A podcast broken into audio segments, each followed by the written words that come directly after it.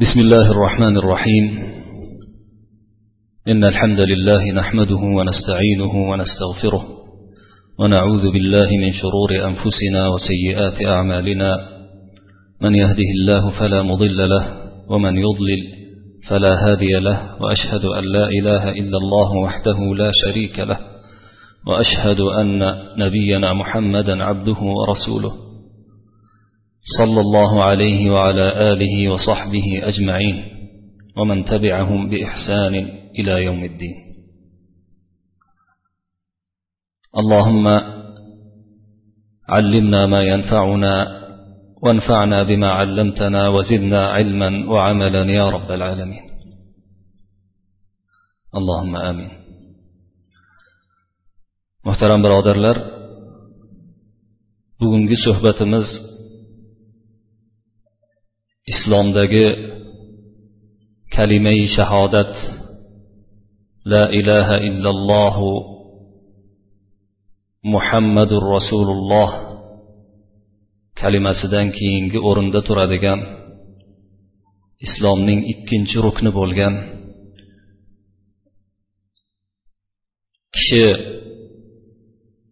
o'zining a'zolari bilan bajaradigan amallarning eng ulug'laridan biri hisoblangan namoz haqida suhbatlashamiz. Avvalo namozning arab tilida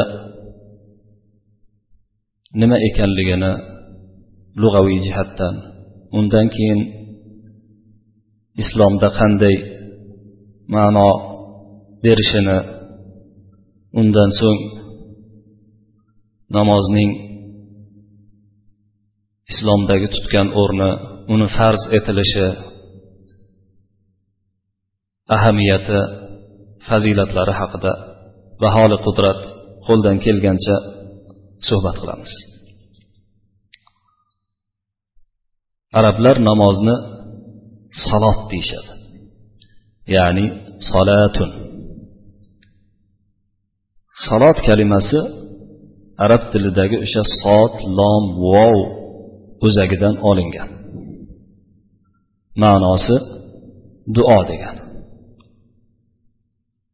shuning uchun ham alloh taolo qur'oni karimda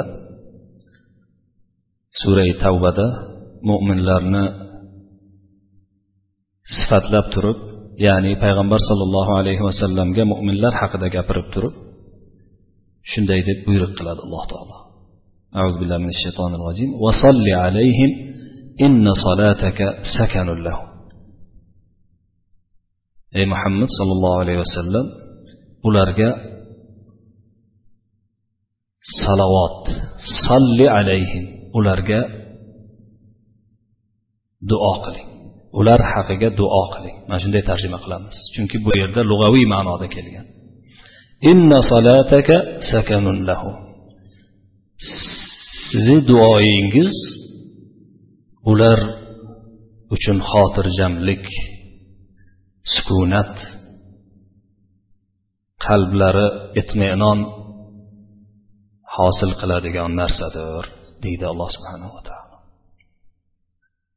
Payg'ambar sollallohu alayhi vasallam shu lug'aviy ma'noda sahih muslimda kelgan hadisda aytadilarki agar birortalaringizga bir joydan da'vatnoma kelsa chaqiriq qog'ozi ya'ni bir narsaga mehmonga chaqirilgan bir da'vat keladigan bo'lsa birov chaqiradigan bo'lsa o'shanga borsin deydilar. Agar og'zi ochiq bo'lsa ro'za tutmagan bo'lsa ovqatlansin. Agar ro'za tutgan bo'ladigan bo'lsa fal yusolli deydilar. Ya'ni duo qilib qo'ysin namoz o'qisin bir chekkaga o'tib olib degani emas. Agar ro'zasini ochishni xohlamaydigan bo'lsa chunki ixtiyorli banda ro'zasi ham nafl ro'za bo'ladi ko'pincha. Nafl ro'za tutib turgan bo'lsa mehmonga borganda mehmonni xonadonini duo qilib o'zini duo qilib qo'ysin deydilar. Shariatdagi ma'nosi esa salotni ma'nosi ma'ruf. O'zimizga namoz deb tarjima qilingan ma'nodadir. Ya'ni muayyan bir harakatlardan iborat alloh uchun ado etiladigan muhim ibodatdir. Islomda besh vaqt namozni o'rni nihoyatda baland. Chunki alloh payg'ambar sollallohu alayhi vasallam bu namozni islomning ustuni deb ataydilar. Ustun bo'lmaganda uy nurab ketganidek namoz ham kishining hayotida mana shunday ustun vazifasini o'taydi. Uning islomiga namoz bo'lmasligi qattiq ta'sir qilib qolishi keyingi payg'ambar sallallohu alayhi vasallamni hadislaridan mana oyatlardan ma'lum bo'ladi. Qur'oni karimda ko'p joylarda zikr qilinadi. Alloh subhanava taoloning namozni farz qilganligi namozga bo'lgan da'vat buyruq. Ko'pincha zakot bilan birga ko'p oyatlarda kelgan keladi. Mana shunaqa oyatlardan ba'zilari mana surai bayyinada keyingi kichkina suralardan bittasida alloh subhanava taolo aytadiki وما أمروا إلا ليعبدوا الله مخلصين له الدين حنفاء ويقيموا الصلاة ويؤتوا الزكاة وذلك دين القيمة insonlar alloh taologagina alloh taologa ibodat qilishgagina buyurgan buyurilgan edilar u zotga dinni xolis qilgan holda haqqa moyil bo'lgan holda hamda namozni barpo qilishga haqiqati bilan ado etishga zakotni berishga buyurilgan edilar. Mana shu haqiqiy to'g'ri dindir deydi alloh subhanaa taolo. Demak islom namozsiz tasavvur qilinishi juda qiyin. Shuning uchun ham payg'ambar sallallohu alayhi vasallam islomni shu beshta rukunga mana shu beshta arkon asosida beshta ustun asosida qurilganligini aytadilar.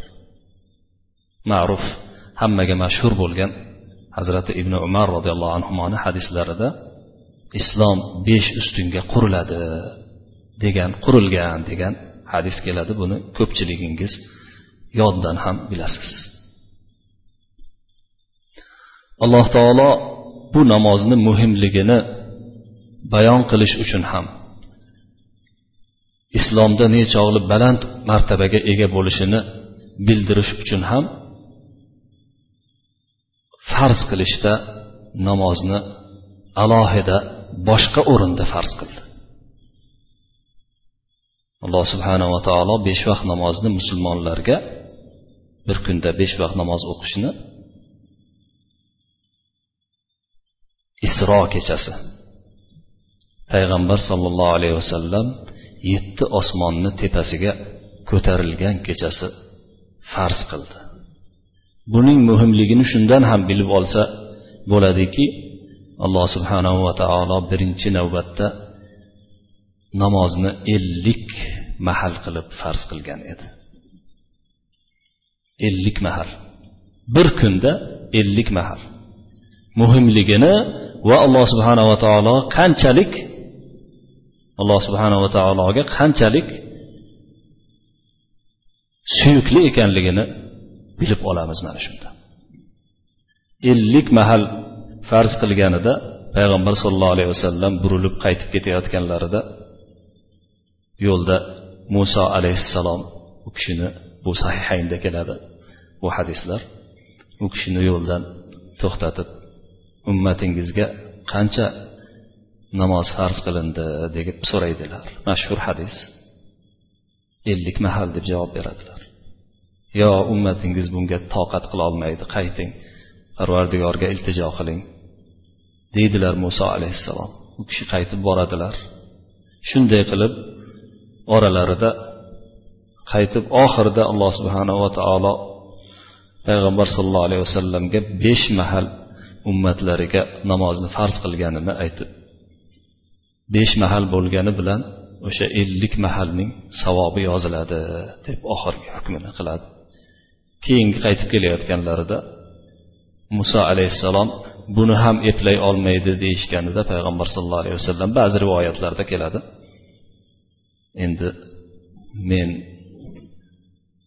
bundan ortig'iga hijolat qilaman deb qaytmaydilar keyin alloh subhanahu va taolo namozni o'zining vaqt muayyan vaqtlari bilan farz qildi. O'sha vaqtlarda ado etilsagina namoz maqbul bo'ladi. Surai nisoda alloh subhanahu va taolo kanat alal mu'minina kitaban mawquta dedi. Albatta namoz mo'minlarni ustiga muvaqqat muvaqqat degani bu yerdagi mavhud degani o'zimiz tildagi muaqqat muvaqqat ma'nosida emas. Mavqut degani bir vaqt belgilangan farz bo'ldi deydi. Kitobdan murod bu yerda farz ma'nosida. Ya'ni ertalab bomdod kun chiqmasdan ilgari endi kun tikkadan kelib g'arbga oqqan vaqtda peshin namozi undan keyin asr namozi kun botganda shom namozi kechasi yotish oldidan esa xuftan namozi farz qilindi. Ushbu namozning ahamiyatini yana shundan ham bilib olamizki bu ibodat juda qadim ibodatlardan hisoblanadi. Biron bir payg'ambar o'tgan emaski alloh subhanava taologa iltijo qilib yuzlanib namoz o'qimagan bo'lsa. Barcha shariatlarda buyurilgan ibodatlardan hisoblanadi. Albatta bizning shariatimizdagi namoz bilan ilgarigi o'tganlarni shariatlaridagi namozni tuzilishida farq bo'lgani bilan ichida ruhida ma'nosida hech qanday farq yo'q. Ma'nosi alloh subhanava taologa dildan yakka xudoga iltijo qilib unga o'zining qulligini muhtojligini bandaligini izhor qilish hisoblanadi. Shuning uchun ham ibrohim alayhissalomdan va u kishidan ilgari kelgan payg'ambarlardan keyingi payg'ambarlardan qur'oni karimda ba'zi namunalar keladi. Ular o'zlari shu namoz haqida duo qilganlari namozni qanday qoim qilganliklari haqida oyatlar bayon qilingan. Shu oyatlardan ba'zilarini keltirib o'taman hozir. Ibrohim surasida alloh subhanava taolo ibrohim alayhissalomni tilidan shu duoni keltiradi. Robbi jalni muqimas solati va min zurriyati. Ey parvardigoro meni namozni qoim qiladiganlardan haqqi bilan ado etadiganlardan hamda zurriyatimdan ham mana shular shunday ado etadiganlarni qilgin degan duoni keltiradi. Ismoil alayhissalom to'g'risida maryam surasida alloh subhanava taolo aytadiki ismoil o'zini ahli ayoliga oilasiga namoz o'qishni buyurar edi. Zakotni berishni buyurar edi. Ollohni huzurida rozi bo'lingan bandalardan olloh rozi bo'lgan bandalardan edi deydi muso alayhissalom to'g'risida ham mana shunday oyatlar namozni o'qiganligi namozni qoyim qil degan surai tohodagi oya oyat keladi. Iso alayhissalomdan surai maryamda olloh menga namoz bilan zakotni buyurdi avso bu buyurdi ma'nosida keladi. Shunday deb xitob qiladi xabar beradi alloh subhanava taolo. Payg'ambar sollallohu alayhi vasallam namozning ahamiyatini aytib turib muoz ibn jabal roziyallohu anhudan qilgan rivoyat qilingan hadisda aytadilarki rasul amril islom ishni boshi islomdir.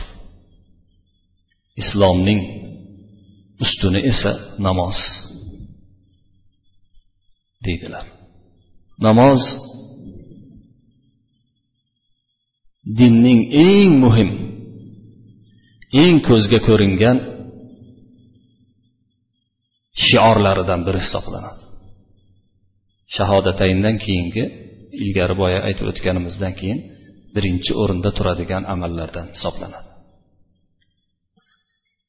Shuningdek alloh subhanava taologa eng mahbub bo'lgan suyukli bo'lgan amallardan ham hisoblanadi boya aytib o'tdik. Bu to'g'rida payg'ambar sollallohu alayhi vasallamdan hazrati ibn abdulloh ibn masud rivoyat qilib aytadilarki yo rasululloh dedim bir kun. Ey rasululloh amallarni qaysisi alloh subhanahu va taologa suyukliroq yaxshiroq sevimliroq. Shunda payg'ambar sollallohu alayhi vasallam birinchi o'rinda namoz o'z vaqtida ado etish dedilar. Namoz banda bilan qul bilan o'zini hojasi parvardigori o'rtasidagi bog'lanma aloqa hisoblanadi. Shuning uchun ham payg'ambar sallallohu alayhi vasallam abu hurayra roziyallohu anhudan rivoyat qilingan hadisda aytadilarki banda o'zini hojasi parvardigori bilan eng yaqin bo'lgan holat sajdada turganda bo'ladi deydilar. O'sha yerda duoni ko'paytiringlar deydilar. Imom muslim rivoyat qiladi. Payg'ambar sollallohu alayhi vasallam yana bir hadisi qudsiyda rob subhanahu va taolodan rivoyat qilingan. Uning o'zidan kalomi aytilgan hadis qudsiyda payg'ambar sallallohu alayhi vasallam alloh subhanava taolodan hikoya qilib aytadiki alloh aytdiki men namozni bandam bilan o'zim o'rtamda ikkiga bo'ldim. Yarmi men uchun yarmi esa bandam uchun. Bandamga o'zi so'ragan narsasi bo'ladi. Ya'ni nimani so'raydigan bo'lsa o'shanda men ijobat qilaman degan ma'noda mashhur o'sha hadisni keyin surai fotihani alloh subhanava taolo aytib o'tadi. Yana namozning fazilatlaridan biri men bu yerda ahamiyati to'g'risida gapirib keyin fazilati to'g'risida aytyapman. Orasida bir biriga uzviy bog'liqlik bor. Ya'ni namozning muhimligidan uning fazilatlari ko'pligi chiqadi. Uning fazilatlari ko'pligi bo'lganligidan ko'pligidan namozning nechog'li muhimligi ham kelib chiqadi. Shuning uchun bir biriga hech ajralib bo'lmas bog'liqlik bor ahamiyat bilan fazilat o'rtasida. Namozni fazilatlaridan biri namoz jannat kalitlaridan hisoblanadi. Ya'ni jannatga kiraman desangiz jannatni kalitiga ega bo'lmoqchi bo'lsangiz namozga mahkam bo'ling. Hazrat rabia ibn kab roziyallohu anhudan rivoyat qilinadiki sahih muslimda keladi bu. U kishi aytadilarki payg'ambar sollallohu alayhi vasallam bilan yurar edim. U kishiga tahoratlariga suv ehtiyoj boshqa ehtiyojlarini qilib hojatlarini ado etib xizmatlarini qilib yurar edi. Bir kuni menga rasululloh sollallohu alayhi vasallam so'ragin dedilar. Ya'ni nima so'raysan? Bir narsa so'ragin men beray degan ma'noda aytdilar. Shunda men aytdimki jannatda siz bilan bir bo'lishni so'rayman dedi. Boshqa narsani so'rarsan balki dedilar. Chunki jannatda payg'ambar sollallohu alayhi vasallam bilan birga bo'lish juda ulug' baxt bo'lishi bilan birga nihoyatda katta amalli kishi bo'lishi kerak. Shuning uchun rasululloh sollallohu alayhi vasallam aytdilarki boshqa narsani so'rarsan balki? dedilar. Shunda men shu narsani so'rayman dedim. Aytdilarki bo'lmasa o'zingga sajdani ko'paytirish bilan yordam ber. Menga ya'ni meni yonimda bo'lishing uchun sajdani namozni ko'paytirishing kerak. dedilar. Payg'ambar sollallohu alayhi vasallamni yonlarida bo'lish uchun jannatda ulug' o'rinda bo'lish uchun namozni boshqalarga qaraganda ko'proq ado qilish kerak ekan. Abu muso ashariy roziyallohu anhudan rivoyat qilingan hadisda payg'ambar sallallohu alayhi vasallam aytadilarki ikki salqin namozni ulamolar salqin namoz deganda bomdod bilan asrni nazarda tutilgan deyishadi. O'sha ikki namozni ado etgan odam jannatga kiradi dedilar payg'ambar sallallohu alayhi vasallam. Hali suhbatimizni oxirida keladi ado etish xushu bilan ichidagi namozni ruhi bo'lmish allohga yuzlanish bilan bo'lgandagina manfaat berishi to'g'risida ba'zi hikoyalar ham keladi inshaalloh. Shuningdek namozni yana bir fazilatlaridan biri kishining gunohlarini banda gunohdan xoli emas banda doim gunohga botgan holda turadigan inson. Kishini gunohlaridan poklab darajalarini ko'taradigan eng yaxshi amallardan bittasi ham namozdir. Payg'ambar sallallohu alayhi vasallam hazrati abu hurayra roziyallohu anhudan rivoyat qilingan hadisda aytadilarki menga aytinglarchi bittalaringni eshiginglarni oldidan bir daryo oqib o'tadigan bo'lsa anhor. O'sha kun o'sha daryoda anhorda har kuni besh mahal cho'miladigan bo'lsa kiridan bir narsa qoladimi? deb so'radilar. Shunda ular aytishdiki u odamda kir qolmaydi deyishdi. Shunda payg'ambar sallallohu alayhi vasallam aytdilarki xuddi shuningdek besh vaqt namoz ham dedilar. Ya'ni besh vaqt namoz ham o'sha daryoda besh marta cho'milishdekka alloh taolo bu bilan gunohlarni mana shunday o'chiradi. Bu sahihaynda keladi. Yana hazrat abu hurayra roziyallohu anhudan rivoyat qilingan hadisda payg'ambar sallallohu alayhi vasallam aytadilarki xuddi shu ma'noda sizlarga gunohlarni o'chiradigan darajalarni ko'taradigan narsalarni ko'rsatib qo'yaymi? Ha albatta yo rasululloh deyishdi. Shunda aytdilarki qiyinchilik bilan tahoratni juda kamoliga yetkazib qilish. Ya'ni sovuqda qiynalsangiz ham suv yetmasdan qiynalsangiz ham tahoratni butun o'zini mustahabbotlari bilan komil qilib ado etish masjidlarga qadamlarni ko'p qilish. Namozdan so'ng yana namozni ko'tarib kutib turish. Namozdan so'ng yana keyingi namozni kutib turish. Ana shu ribot hisoblanadi. Ana shu ribot dedilar.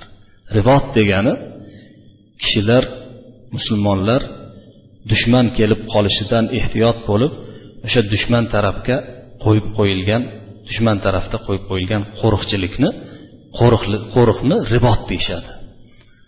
Ya'ni insonni shaytondan gunohlardan saqlab turib shunaqa qo'riq bo'lib turadigan narsa mana shu tepada aytib o'tgan men aytib o'tgan amallar degan ma'noni bildiradi.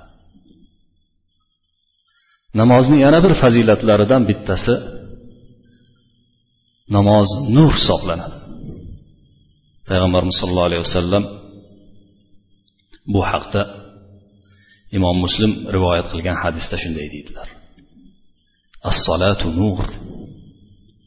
Namoz nurdir. Ya'ni nur deganligi ham ma'naviy ham hissiy ma'noda tushunsa ham bo'laveradi. Alloh subhanava taolo o'z qalbini ollohga bog'lab qalbidan butun kasalliklarni haydashga harakat qilib yomonliklardan saqlanib yaxshiliklarga iqbol qilib namozni ado etgan kishining qalbiga nur joy etganidek uning siymosiga ham o'sha nurni berib qo'yadi. Shuning uchun ham alloh subhanava taolo namoz to'g'risida gapirganda inna solata tanha anil fahshai val munkar deydi. Albatta namoz buzuqliklardan munkar yomon ishlardan qaytaradi deydi. Ya'ni namoz shunaqa narsalardan qaytargandagina haqiqiy namoz bo'ladi. Namoz kishini buzuqliklardan buzuq so'zlardan buzuq ishlardan yomon so'zlardan yomon ishlardan qaytarmas ekan o'zini qayta ko'rib chiqmog'i namozining kemtigini tuzatmog'i kerak bo'ladi inson. Chunki haqiqiy namoz kishini mana shunday yomon narsalardan qaytarishi kerak. Namozning yana bir ahamiyatini ado ahamiyatiga dalolat qiladigan oyatlardan bittasi kishini uzoq o'yga toldirishi kerak bo'lgan oyatlardan bittasi surai maryamda keladi. Alloh subhanava taolo aytadiki yaxshilarni aytib o'tgandan keyin ularning ortidan bir kishilar keldiki ular namozni zoyi qilib yuborishdi.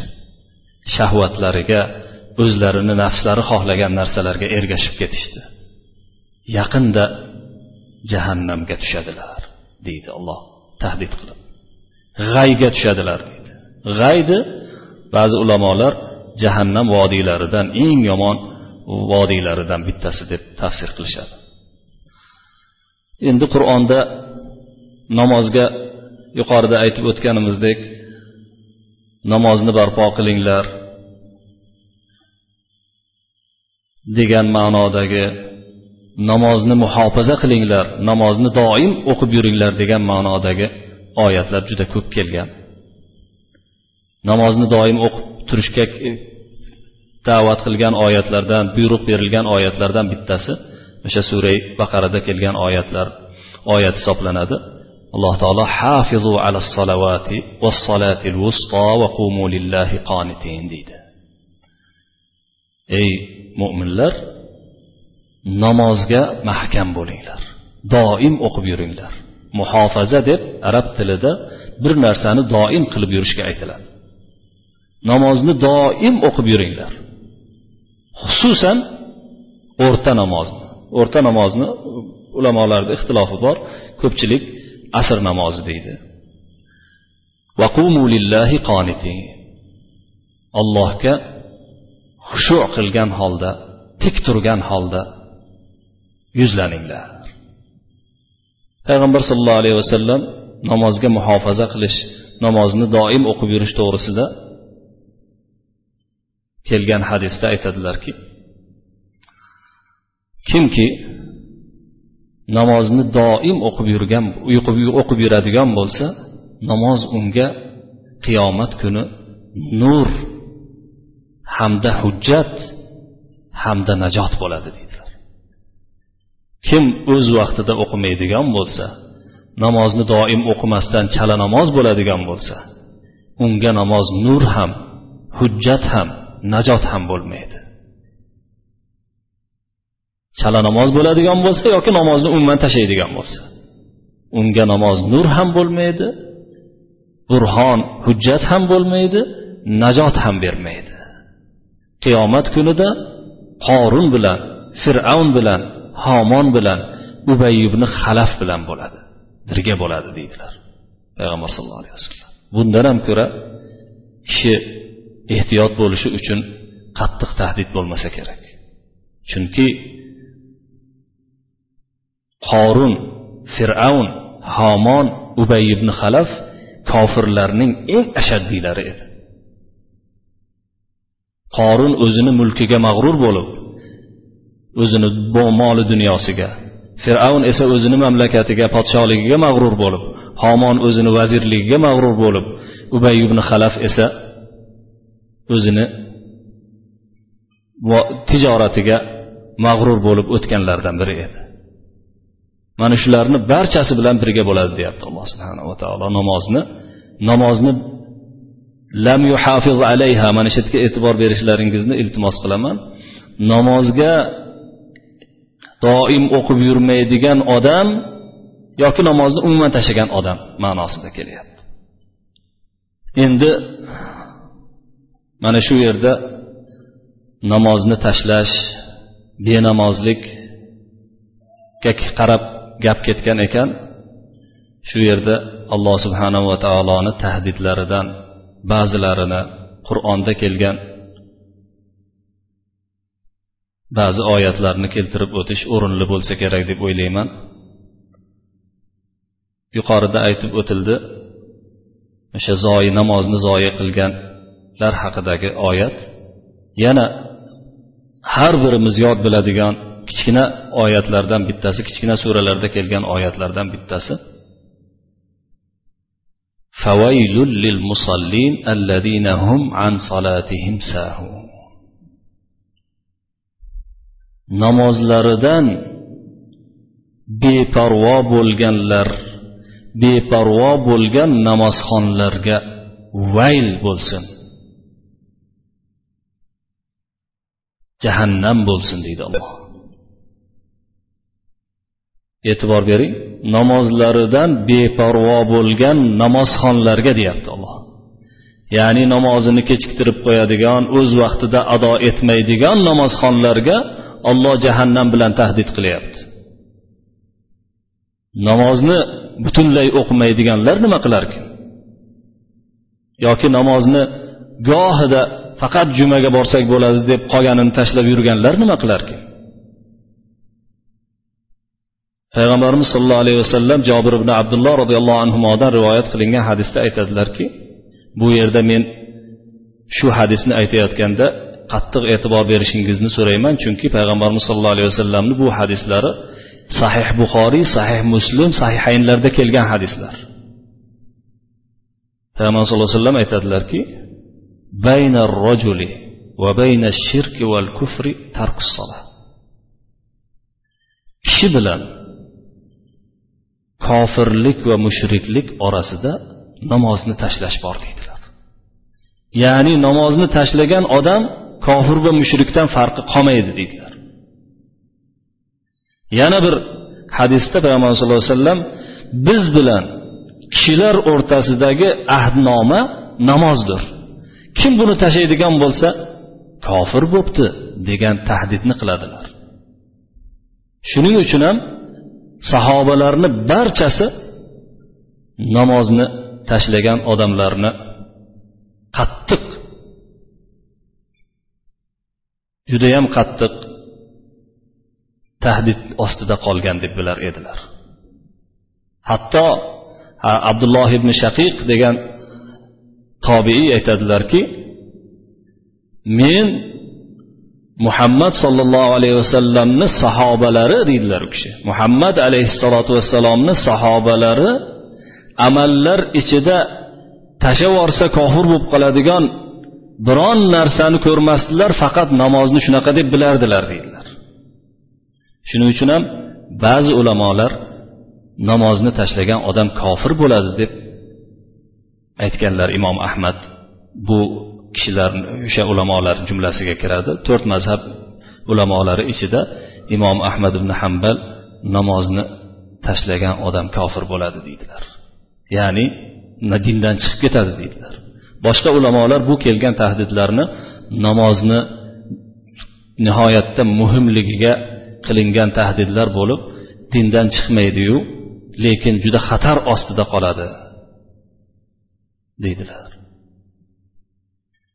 Mana shunday xatar ostida qoladigan amal bo'lganligi uchun tashlasa xatar ostida qoladigan amal bo'lganligi uchun alloh subhanava taolo bu amalni kufr deb atayapti olloh kufr degan deb atagan amallar olloh gunoh deb atagan amallarga qaraganda gunohi juda qattiq bo'ladi.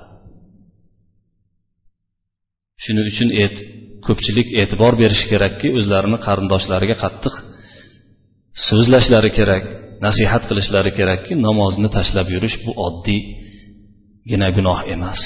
Qattiq juda katta gunoh kabiralardan hatto ba'zi ulamolar gunoh kabiralardan ham teparoqda turadigan bir qattiq gunoh deyishadi. O'shaning uchun namozni tashlashda kim o'zini yaqinlari shu baloga giriftor bo'lgan bo'lsa nasihatini hech to'xtatmasligi kerak. Payg'ambarimiz sollallohu alayhi vasallam yana bir hadisda bu hadisni imom buxoriy buraydat ibn husayb al aslamiy degan sahobiydan rivoyat qiladilar.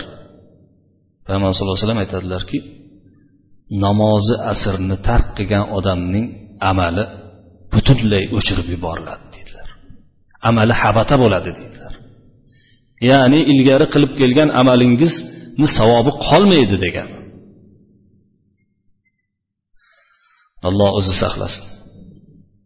Mana shunday namozni ahamiyati namozning qattiqligi namozni muhimligi uchun ham payg'ambar sollallohu alayhi vasallam o'zlari jon chiqar holatda yotibdilaru ummatlariga namozni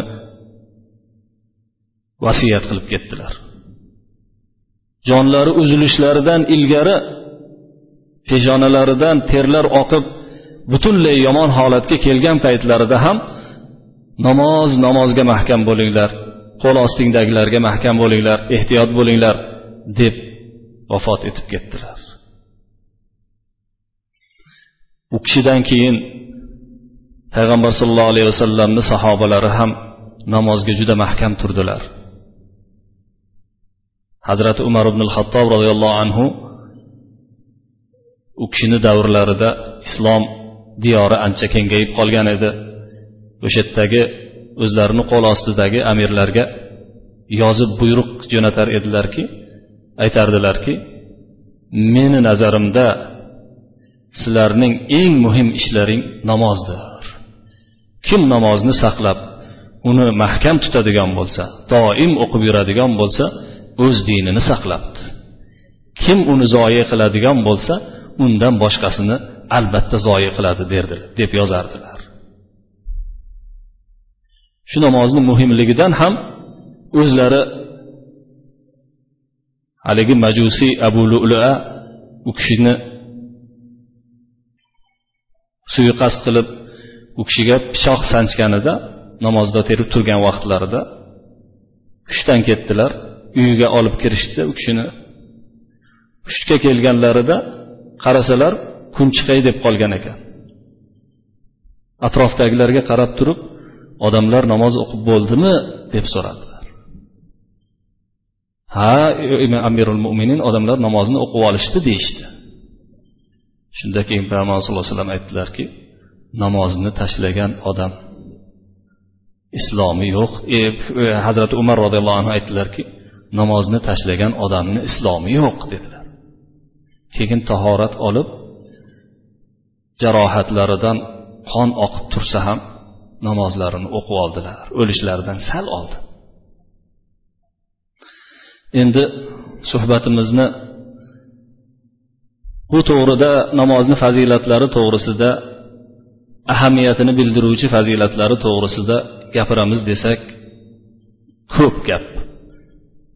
Lekin hozir suhbatni oxirida namozdagi xushu to'g'risida va salaflarni ilgarigi o'tgan ulamolarimizni xushulari qanday bo'lganligi haqida biroz so'zlab o'tish o'tishni o'rinli deb bildim. Chunki vaqt tugab qoladiganga o'xshab ko'rinyapti. Namozdagi xushu xushu degani qalb ollohga bog'lanib namozda boshqa xayollarga bormasdan faqat xudoni eslab uning va'dalariyu vaidlarini eslab qalb titrab turishga xushu deyiladi ho'p demak qalb titrab namozda qalb titrab turishiga allohga iqbol qilib boshqa narsalarni xayoldan ko'tarib namozda turishga xushu deyilar ekan. Bunday holga inson o'zini keltirish uchun doimo harakatda mujohadada bo'lishi kerak. Bir pasda kelib qoladigan amal emas. Shuning uchun ham ilgarigi ulamolardan ba'zilari aytadilarki men o'zimni namozga yigirma yil majburladim xushu qilishga. Oxiri namozda xushu qiladigan bo'ldim deydilar. Biz xushu qilolmas ekanmiz baribir xayolimizga kelib qolar ekan boshqa dunyodagi narsalar bo'lmas ekan deb to'xtatib qo'yish yaramaydi. Salaflarni xushulari to'g'risida kitoblar o'qish kerak. Salaflarni namoz o'qishlari haqida qanday bo'lganligi haqida bir birlar bilan odam suhbatlar o'tkazish kerak. Kishilarni namozga bo'lgan xushuga bo'lgan ahamiyati oshishi uchun. Mana ba'zi hikoyalardan qisqa qisqa misollar keltirib o'taman. Qo'ldan kelgancha bir to'plashga harakat qildim. Hazrati ibn umar abdulloh ibn umar roziyallohu anhu aytadilarki u kishi alloh taoloni mo'minun surasida kelgan allazinahum fi solatihim xoshiun ular shunday zotlarki namozlarida xushu bilan turadilar degan oyatni tafsirida aytadilarki sahobalarni aytib agar ular namozga tursalar namozga yuzlanar edilar. O'zlarini namozlariga yuzlanib yuzlarini ko'zlarini sajda o'rinlariga qadab egib alloh taolo ularga iqbol qilib turganligini qarab turib turganligini bilishib na chapga na o'ngga qarab shunday qalblari titrab turar edi deydilar. Hazrati abu bakr siddiq roziyallohu anhu namozga kirishlari bilan yig'i kelib hech odamlar u kishini qiroatlarini eshitolmay qolardi. Payg'ambarimiz sollallohu alayhi vasallam namozlari o'qiy olmasdan kasal bo'lib qolganlarida abu bakrga aytinglar namozni o'qib bersin deganda oysha onamiz aytdilarki abu bakr juda qalblari yumshoq odam namoz o'qisalar ko'zlari yoshga to'lib ketadi o'zlarini tiyolmay qoladilar deganda payg'ambarimiz sallallohu alayhi vasallam baribir o'qishga buyurdilar. Hazrati ibn zubayr roziyallohu anhu roziyallohu anhu abdulloh ibn zubayr namozda tursalar xushuni ziyodaligidan u kishi bilan ustunni farqi bo'lmay qolar edi. Namozda tursalar. Ustun turibdimi? Namoz u odam turibdimi? Bilmay qolar edi odamlar. Sajda qilsalar sajdani uzunligidan xushuni ko'pligidan qushlar kelib yelkalariga qo'nib turardi. Ya'ni bir devor turibdimi yo bir e, taxta yotqizib qo'yilganmi deb o'ylab qushlar kelib qo'nishardi. Muslim yasor degan basralik allomalardan biri tobeinlardan bu kishi yuzinchi yil vafot qilganlar. Namozda hech burilmas edilar. Parvo ham qilmas edilar boshqa atrofdagi narsalarga ham kishilarga ham. Bir kuni namoz o'qiyotganlarida masjidni bir tomoni yiqilib ketdi nurab ketdi. Shunda masjidni atrofidagi bozor ahli qo'rqqanidan bozorlardagi narsani tashlab qochishdi. Qattiq ovoz kelganligidan u kishi masjidni ichida edilar. Sezmadilar shu narsani. Manzillariga qaytib uylariga kiradigan bo'lsalar ahli baytlari u kishini haybatidan jim bo'lib qolishardi farzandlariyu oilalari. Namozga kirib uylariga kirib namozni boshlashlari bilan yana gaplariga mashg'ul bo'lishib kulishga kirardilar. Bilishardilarki namozga kirsalar hech narsani sezmay qolardilar. Shuni bilganlarida mana shunday qilishardi. Abu abdurahmon al asadiy degan kishi said ibn abdul azizga aytdim deydilar. Said ibn abdul aziz tanuhiy damashqlik tanuhiy degan tobeinlar tobeinlarni ko'rib qolgan kishilardan. U kishiga aytdimki ey abu muhammad namozingizda sizga keladigan bu yig'i butunlay boshqacha. Nimaga unda yig'laysiz? desam jiyan nimaga so'rayapsiz? dedilar. Shunda amaki olloh bizga sizni shu aytadigan gapingizdan manfaat berar degan umidda so'rayapman dedi. Bu yig'ini kelishiga sabab men namozga shunday quloqni qoqishim bilan ro'paramda jahannam turadi. O'shaning uchun shu holatga tushaman dedilar. Ali ibn husayn ibn ali ibn abi tolib roziyallohu anil jami. Bu tobeinlarni eng afzal kishilaridan biri bo'lganlar. Hazrati alini nevaralari. Ibodatlarini zo'rligi xushularini zo'rligidan boshqa amallarda ham odamlarga o'rnak bo'lganliklaridan zaynul obidin deb laqab olgan edilar ibodat qiluvchilarni ziynati degan. Shu kishi tahoratlarini qilib bo'lib namozga turishlaridan oldin bir qaltirab yuzlari sariq bo'lib ketardi.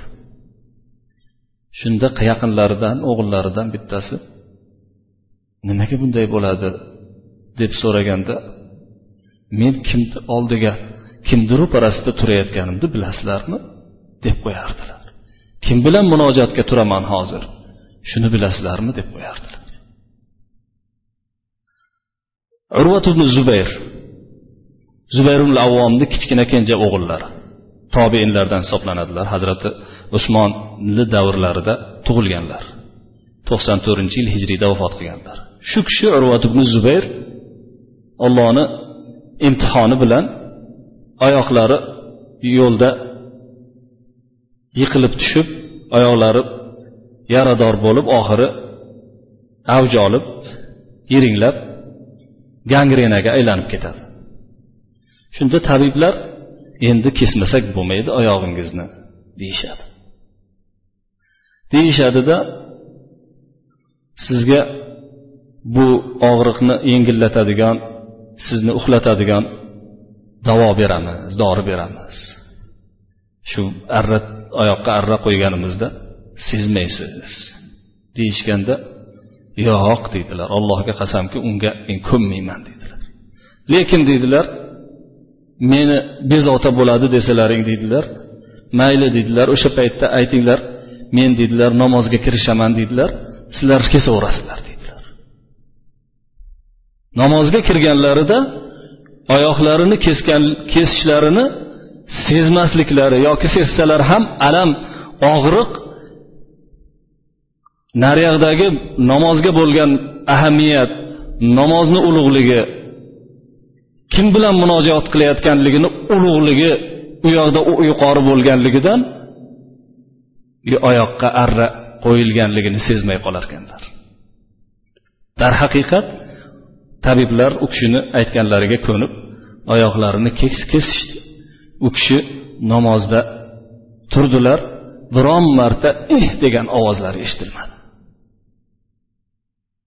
Tobeinlarni ko'rib qolgan abu bakr ibn ayyosh degan kishi aytadilarki mansur ibn mutamirni rabi ibn abi roshidni osim ibn abi najudni namozda ko'rsangiz ularni soqollarini ko'kraklariga shunday pasaytirib namozda turganlarini ko'rsangiz ularni namoz abrorlaridan ekanligini bilardingiz.